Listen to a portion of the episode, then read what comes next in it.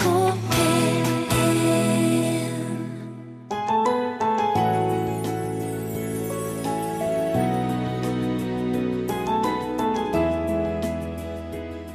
Den perioden da jeg mediterte sammen med buddhister, den er med meg, og den blir med meg inn i et kirkerom. Og det, jeg vet at hvordan kroppen er et anker for oppmerksomheten til å være her og nå. Og det har den buddhistiske eh, tradisjonen gjort med meg, tror jeg. Han som sier dette, er sogneprest i Den norske kirke.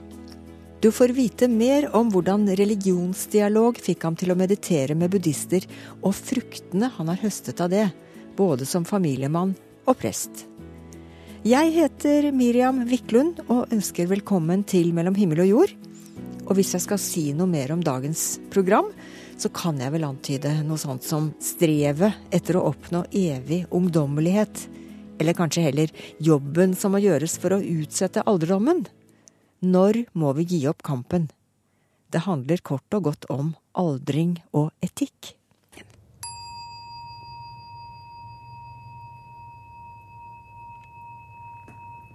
Men da når min zen-lærer fortalte meg at dette er Buddhas stemme som tar deg inn i stillheten sånn at Han er der først, og så blir det stillere og stillere. Nei, det sitter ingen i lotusstilling rundt meg. Og nei, jeg er verken på meditasjonskurs eller på besøk hos noen buddhistmunk. Jeg sitter i sofaen på prestekontoret til sogneprest Tor Even Fogner, like ved gamle Aker kirke i Oslo. Er det arbeidsantrekket? Det der hvite du har? Litt sånn noen dager er det, noen dager er det sånn at man trenger litt synliggjøre at man jobber som prest. Andre dager er ikke det så nøye. Han har arbeidsantrekket på, korrekt antrukket i mørk dress med den hvite rundsnippen i halsen. Men så tar han den av og lager kaffe til oss begge. Så du sier her at jeg går på kaffe og kjærlighet, sier han. Ja. jeg er her fordi jeg vet at Tor Even Fogner, i tillegg til sin kristne tro, er inspirert av buddhismen. Han holder den lille syngebollen i den ene hånden og slår et slag med kølla når han forklarer hvordan lyden tar ham inn i stillheten på senbuddhistisk vis. Altså det sier pling? Sånn det sier pling. Og så? en senbuddhistisk praksis handler jo om å la oss si sitte deg til stillhet. Altså roe kroppen, så roer sinnet seg også. Og så sitter man rett og slett og legger merke til hva det er som foregår i sinnet. Hvilke tanker er det som presser seg veldig på, og hvorfor gjør de det? Så kan du kanskje finne et svar på det. Hvilke følelser er det som, som når, når, man blir helt stille, hvilke følelser er det da som, som trenger seg på? Du kommer ingen vei med en vond følelse hvis du skyver den bort. Hvis du legger en vond følelse ned i kjelleren og dytter den langt ned i magen, så blir den bare sterkere. Hvis du tar den opp, eller lar den komme til, og la oss si at du sier hei, hei, sorg. Her er du i dag. Denne sorgen Hvis du da på en eller annen måte anerkjenner den og tar den imot litt med kjærlighet, rett og slett, så har du en annen mulighet til å, å både forstå den og bearbeide den. Dette er altså en tankegang og en mental praksis som stammer fra buddhismen. Og før vi går nærmere inn på akkurat det, så må jeg bare få vite hvordan det har seg at en etablert prest i Den norske kirke henter inspirasjon og lærdom fra en annen religion. Jeg jobbet ved et kirkelig dialogsenter her i Oslo. Og uh, meldte meg inn, fikk være med i en zen-buddhistisk gruppe i flere år, som jeg mediterte regelmessig sammen med. Alle der visste jeg var prest, alle der visste jeg at jeg forsøkte å forstå hva dette religionsmøtet innebar. Vi hadde mange uh, spennende, mange utfordrende samtaler i løpet av den tiden.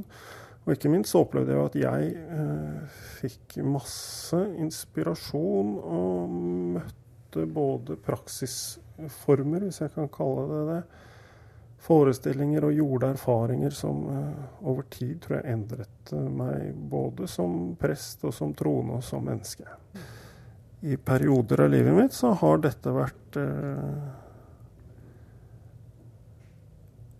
viktig f.eks. bare det med å, å, være mer til stede i livet mitt. Jeg er en ganske distré person. Eh, jeg er som jeg tror fryktelig mange andre, sånn at jeg kan sitte ved middagsbordet med familien min og late som jeg er til stede, og være helt andre steder, i konflikter på jobben, i spørsmål som trenger seg på, og alt mulig sånn. Um, en sånn Nettopp det der å sitte seg til stillhet på den måten at da legger du vekk de der eh, stengslene. Du legger vekk det beskyttelsesverket du har, og så slipper til spørsmålene, slipper til følelsene, slipper til konfliktene på jobben, og lar de på en måte være der litt og er til stede i det. Og så kan du, når du sitter ved middagsbordet, være til stede i middagsbordet. For det, det er kroppen vi bor i, og det er tida vi bor i den perioden da jeg mediterte sammen med buddhister, den er med meg, og den blir med meg inn i et kirkerom. Og derfor så er tilstedeværelse, min kroppslige tilstedeværelse, den, den uh, vet jeg Jeg vet at hvordan kroppen er et anker for oppmerksomheten til å være her og nå. Og det har den buddhistiske eh, tradisjonen eh, gjort med meg, tror jeg. Hva er hva på å se forskjellen mellom eh, buddhisme og kristendom, sånn kort fortalt? La meg si det på denne måten. Det kristne språket er et relasjonsspråk. Det handler om et jeg og et du. Det handler om kjærlighet. Vi omtaler Gud som far. Vi, det, er et, det, er gjennomgående et relasjonsspråk. Eh, buddhismen og den buddhistiske praksis søker nok å uttrykke seg på en annen måte, ikke i det relasjonsspråket. Eh, så man blir på en måte mer alene. At man gjennomskuer forestillingene om seg selv. Eh, og blir ett med alt, på en måte. Eh, det passer som hånd i hanske for, for, moderne vesterlendinger som, som, på en eller annen måte Hvor dette relasjonsspråket, dette kristne relasjonsspråket har brutt sammen, og hvor Gud ikke er en selvfølgelighet. men, men men uh, noe annet enn en selvfølgelighet. Så buddhismen gjør uh, Gud veldig liten og er ikke, ikke så veldig opptatt av, uh, opptatt av, det som er utenfor mennesket. Fordi, fordi det er menneskesinnet som er buddhismens fokus. Hvordan er det å møte annerledes troende? Du snakker om religionsdialog. Hvordan er det med utgangspunktet at du er prest? Det er viktig i vår tid at vi eh, møter annerledes troende og andre religioner med en forventning om at de faktisk har noe de kan gi oss. Noen ting kan faktisk deles. Og jeg tenker for eksempel, Det har vært ganske uproblematisk for meg som prest og kristen å, å, å ta del i buddhistisk meditasjon. Det er, som jeg sier, en, en, eh, en praksis som har menneskesinnet, eh, erfaringer og en holdning til sitt eget sinn, som jeg har funnet veldig inspirerende. Det å dele fra hverandres eh, skattkister sånn, det er fullt mulig. Og det syns jeg, jeg, mange sånne religionsmøter viser. Mm.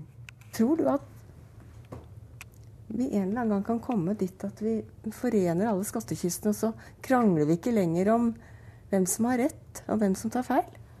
Altså Den romantiske drømmen om, om uh, at hele menneskeslekten skal på en måte tenke og tro og mene det samme, det er iallfall ikke en, uh, en drøm som, når den er prøvet ut, har blitt noe vakkert. Da har den blitt et mareritt. Så jeg ønsker meg nok heller en verden der vi tar vare på annerledeshet Jeg respekterer annerledeshet. Kan gjerne dele skatter. Men denne drømmen om en sånn høyere enhet eller harmoni, den, den er nesten mer jeg, har, jeg, bærer den, men jeg, jeg, jeg, har ikke så tillit til den. Og jeg, ser at når folk prøver å gjennomføre den, så blir det ofte veldig mer smerte enn glede av det. Mm. Mm. Det sa sokneprest Tor Even Fogner. Forresten så sa han mye mer interessant også. Hvis du følger med oss videre, så får du vite hvordan buddhismen har lært ham å takle sorg, og å finne glede i hverdagen på en ny og faktisk ganske enkel måte. Mellom himmel og jord i NRK P1. Det har vært en del diskusjon i det siste hvorvidt det skal være tillatt med joik i kirken. Den nye biskopen i nord, Olav Øygard, han mener at det må være opp til samene selv å bestemme dette. Hvorfor? Ja, det får du vite når du treffer ham om få minutter. For et øyeblikk siden så snakket vi med sogneprest Tor Even Fogner, som mener at alle religioner har noe vakkert i seg, og at det går an å dele fra hverandres skattekister på tross av ulike oppfatninger om noen av livets store spørsmål.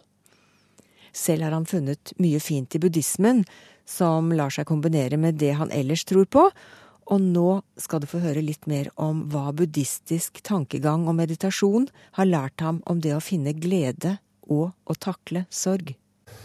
Å leve med sorg, det er rett etter man har mistet noe, så er sorgen på én måte. Og eh, etter en tid så er sorgen på en annen måte. Og sorg handler i veldig stor grad om omstilling.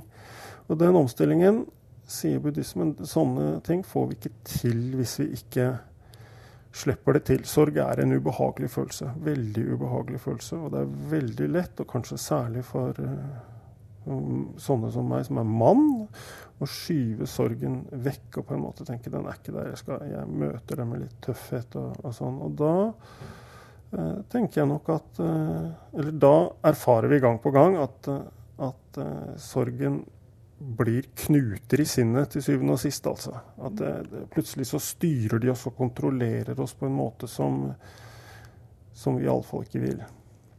Eh, så, så det å, å, faktisk akseptere at de er der For det er det det å skyve det vekk handler om. Ikke, altså, vi, vi, vil ikke ha det, vi vil ikke akseptere de, men det å akseptere sorgen som en del av meg selv, det er på en måte første vei til å til å la den gjøre det arbeidet med meg som den omstillingsprosessen f.eks. etter et tap er. Blir du mer følsom da? Blir du en gråtende mann f.eks.? Hvis det er gråt som skal til, så blir man det. Eh, hvis det er det å anerkjenne at jeg savner noe, så er det altså, å, å, faktisk anerkjenne den og, og kjenne den og, og, slippe den til. Det er i alle fall veien til å begynne å håndtere følelsene. Men denne erfaringen av å og, denne teknikken, denne praksisen av å, å regelmessig sette seg ned roe kroppen for å roe sinnet, og så på en måte, la, la meg kalle det slippe til, da, alt det som beveger seg der, sånn at det får den oppmerksomheten det trenger, så er det lettere å legge det bort senere.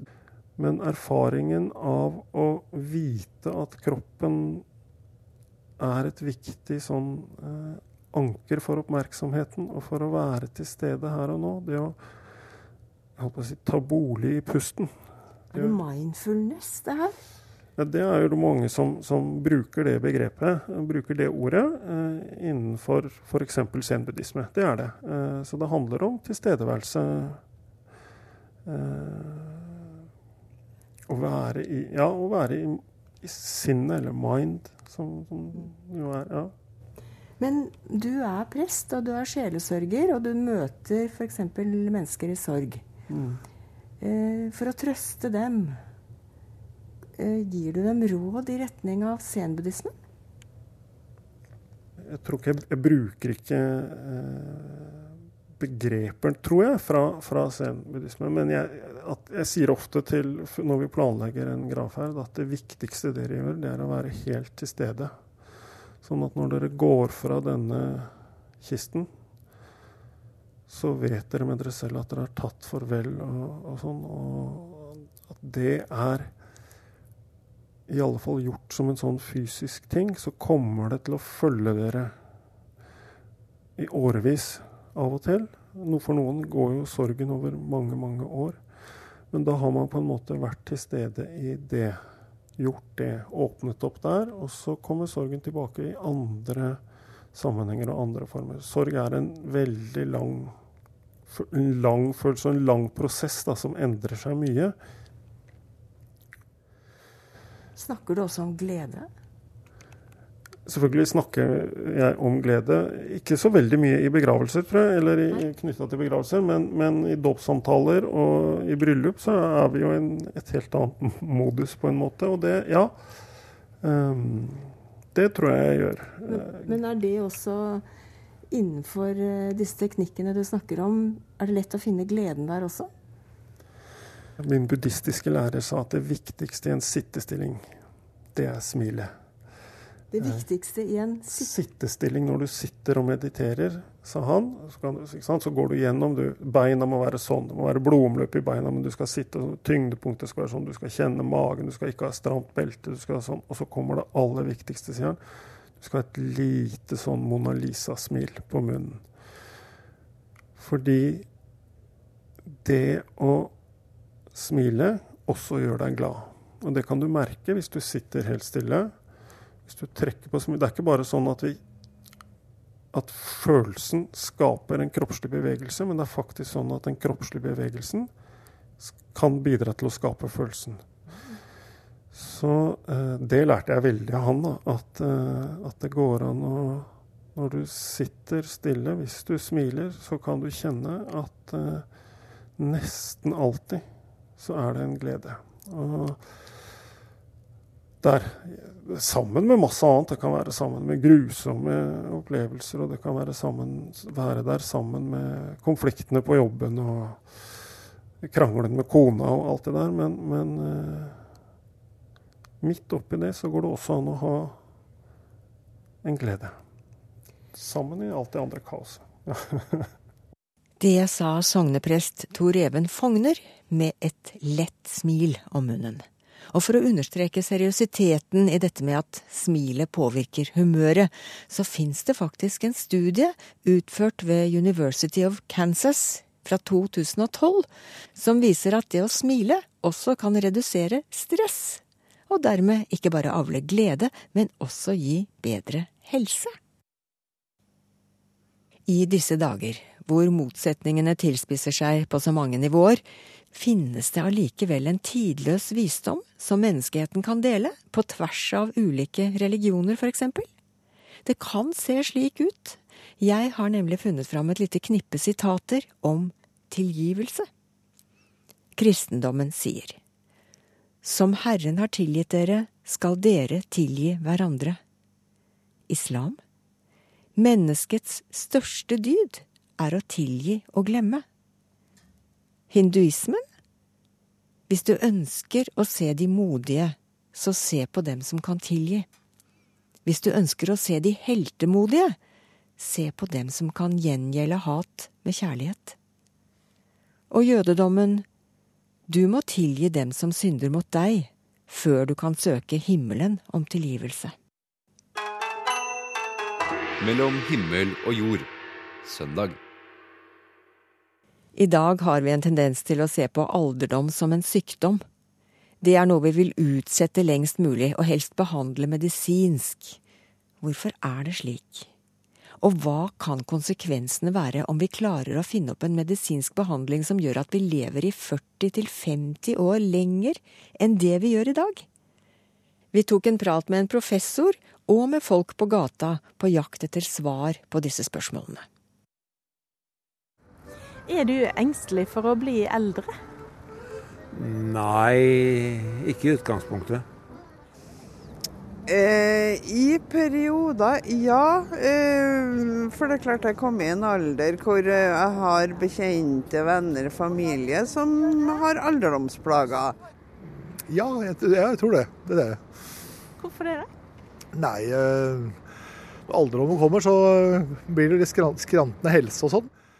Det sa folk jeg møtte på gata i Trondheim denne veka. Men hvorfor er vi redde for alderdom, sykdom og død, egentlig? Det er jo en naturlig del av livet. Jeg spurte Berge Solberg, jeg. Han er filosof og professor i medisinsk etikk ved NTNU. Det er nok noe med tidsånden, at vi, vi, kan gjøre det vi har lyst til. Vi kan dra på de sydenferiene vi vil, vi har god økonomi, vi kan alt er mulig. får vi ikke vi har verdens beste helsevesen i det offentlige, og får vi ikke hjelp der, så kan vi bruke pengene våre til og med i det private. Og, og, så, så, det er litt sånn følelsen av grenseløshet.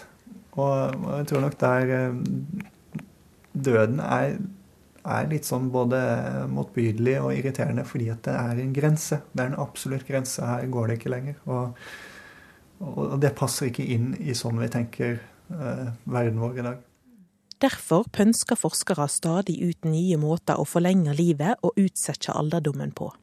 Men er alle sånne medisinske framsteg bare bra?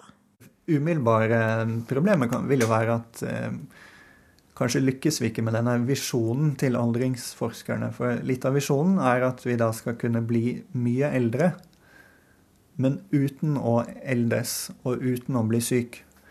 Men eh, det er jo ofte sånn med vitenskap og teknologi at vi, vi klarer ikke å innfri de målene som vi har tenkt. Eh, og hvis vi nå i stedet klarer å forlenge livet til folk, la oss si til man blir 150 år, men de siste 50 årene så er man bare syk og avhengig av andre, så er det jo spørsmålet har man vunnet noe som helst på det, eller har man bare fått noe som er enda verre enn situasjonen i dag. Det høres jo behagelig ut å bli 150 år, men det er vel eh, noen år til det eh, fenomenet treffer, tenker jeg. Men hva, hva kan være fint med det, da? Det er klart at hvis, få, hvis, man kan leve til man blir 120-30 år, så er det, det er sikkert fint, det. Men da må, man, da må, jo kroppen henge med, da. Så jeg tror nok det er viktig. Jeg syns naturen må gå sin gang der, da. Men det har jo litt å si hvor frisk en er, da. Er han jo frisk, så har han jo lyst til å leve lenge. Men eh, jeg har jo ikke sett for meg at jeg skal leve noe mye lenger enn 100 år. men selv om en klarer å holde seg sykdomsfri og sprek i kroppen, kan det ha noen ulemper om folk flest blir langt over 100 år. Man er gammel av år, men så er man så ung i kroppen, og man eh, løper så fort, og man er med på Birken fremdeles osv. Og så blir feiringen av det gamle kun det ungdommelige.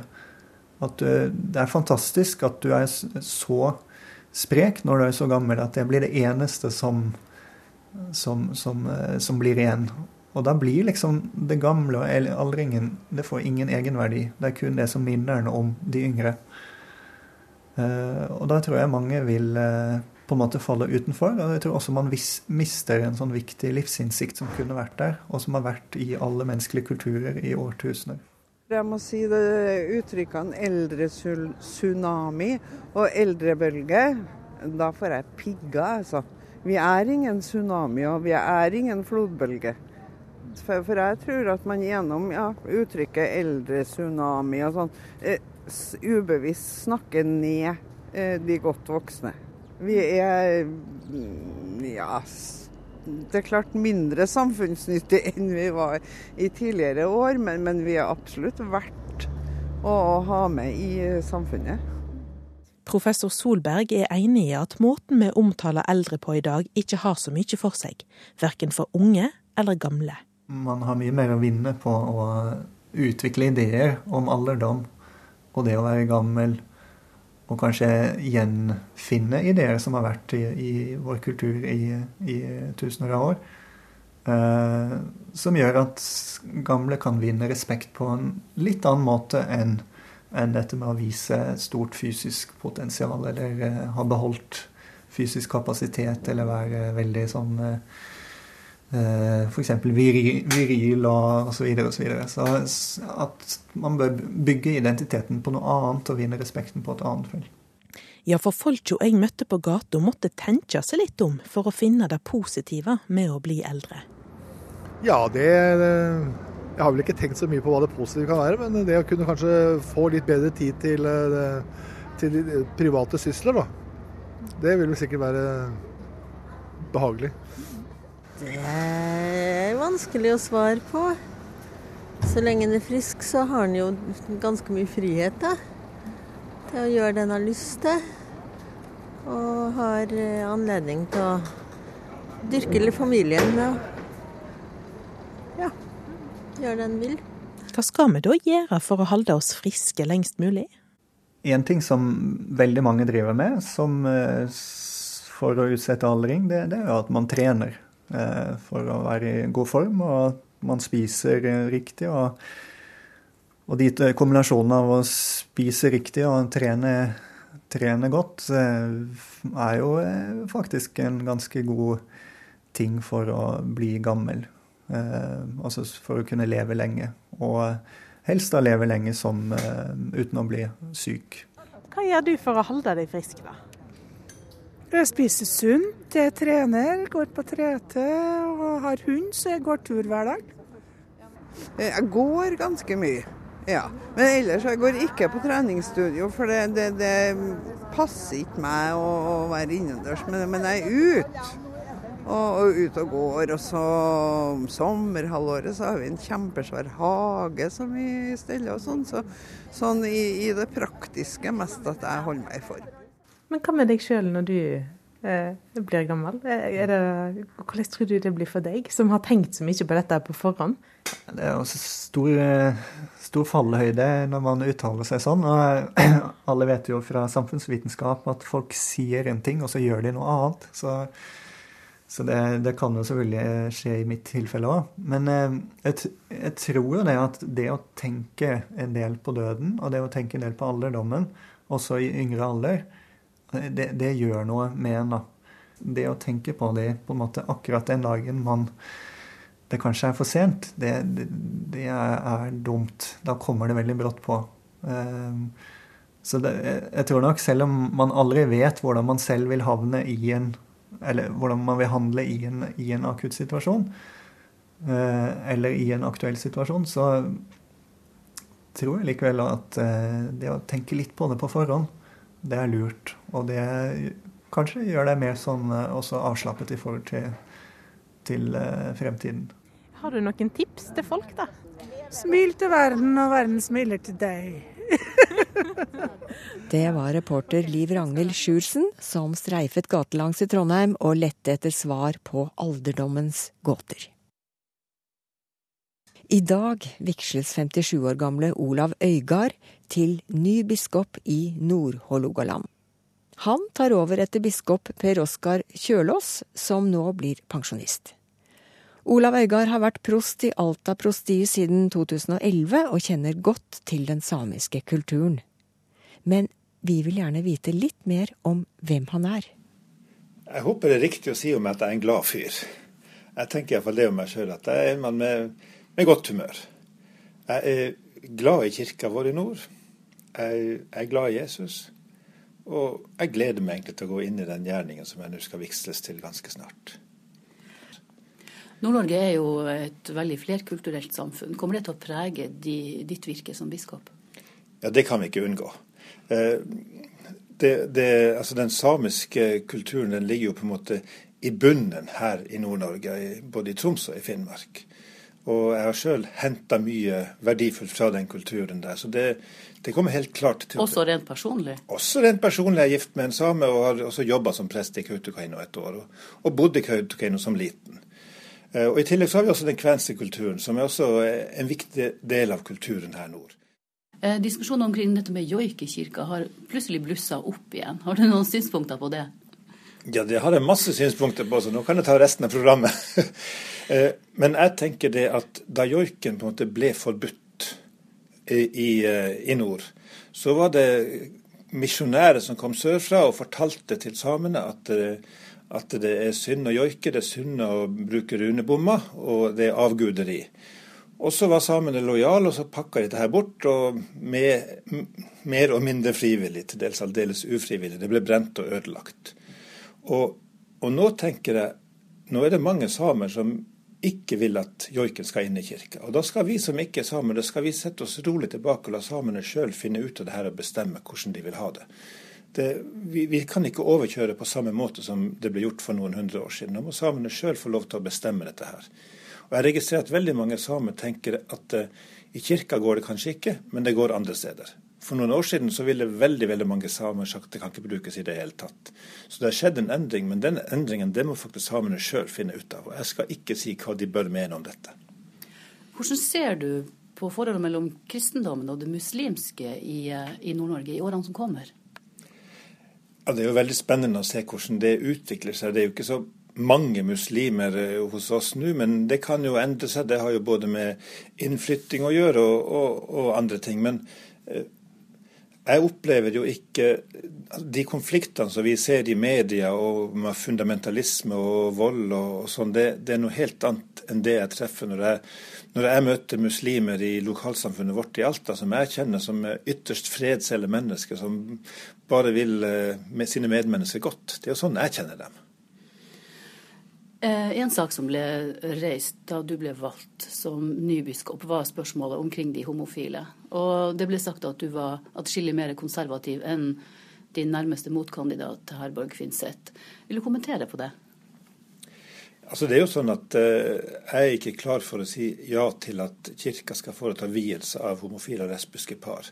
Så akkurat der så er vi ikke helt enige. Men ellers så tror jeg nok ikke det er så veldig stor teologisk forskjell på oss. Men akkurat den saken der tenker vi nok ulikt på. Men jeg må også skynde meg å si at jeg sier jo ja til eh, velsignelse i kirka av eh, eller forbønn for par som har gifta seg borgerlig.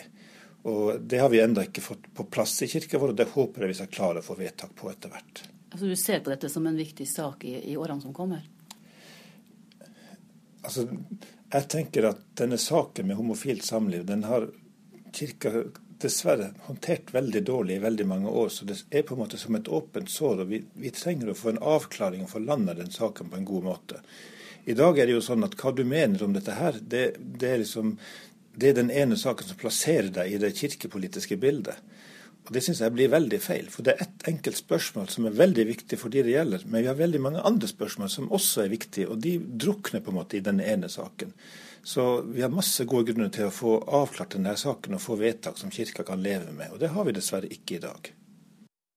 Det sa den nye biskopen i nord, Olav Øygard, som i dag blir vigslet til ny biskop i Nord-Hålogaland. Intervjuer var Sylvi Ines Liljegren. Det er ikke mange som bruker blyant og papir for tida, men en og annen foretrekker fortsatt å skrive brev, så vi koster på oss å oppgi postadressen for en gangs skyld mellom himmel og jord, NRK 7005 Trondheim. Ellers så tar vi gjerne imot e-post fra deg, med ris eller ros eller andre betroelser. Himmel og jord, krøllalfa, nrk.no. Hvis du gikk glipp av noe og vil høre programmet om igjen, så sendes det i kveld klokka 21 på den digitale kanalen P1 pluss for alle med DAB-radio. Og du kan ellers høre oss når som helst på nettet via radio nrk.no. Hvis du vil laste programmet ned til din datamaskin, så får du det uten musikk.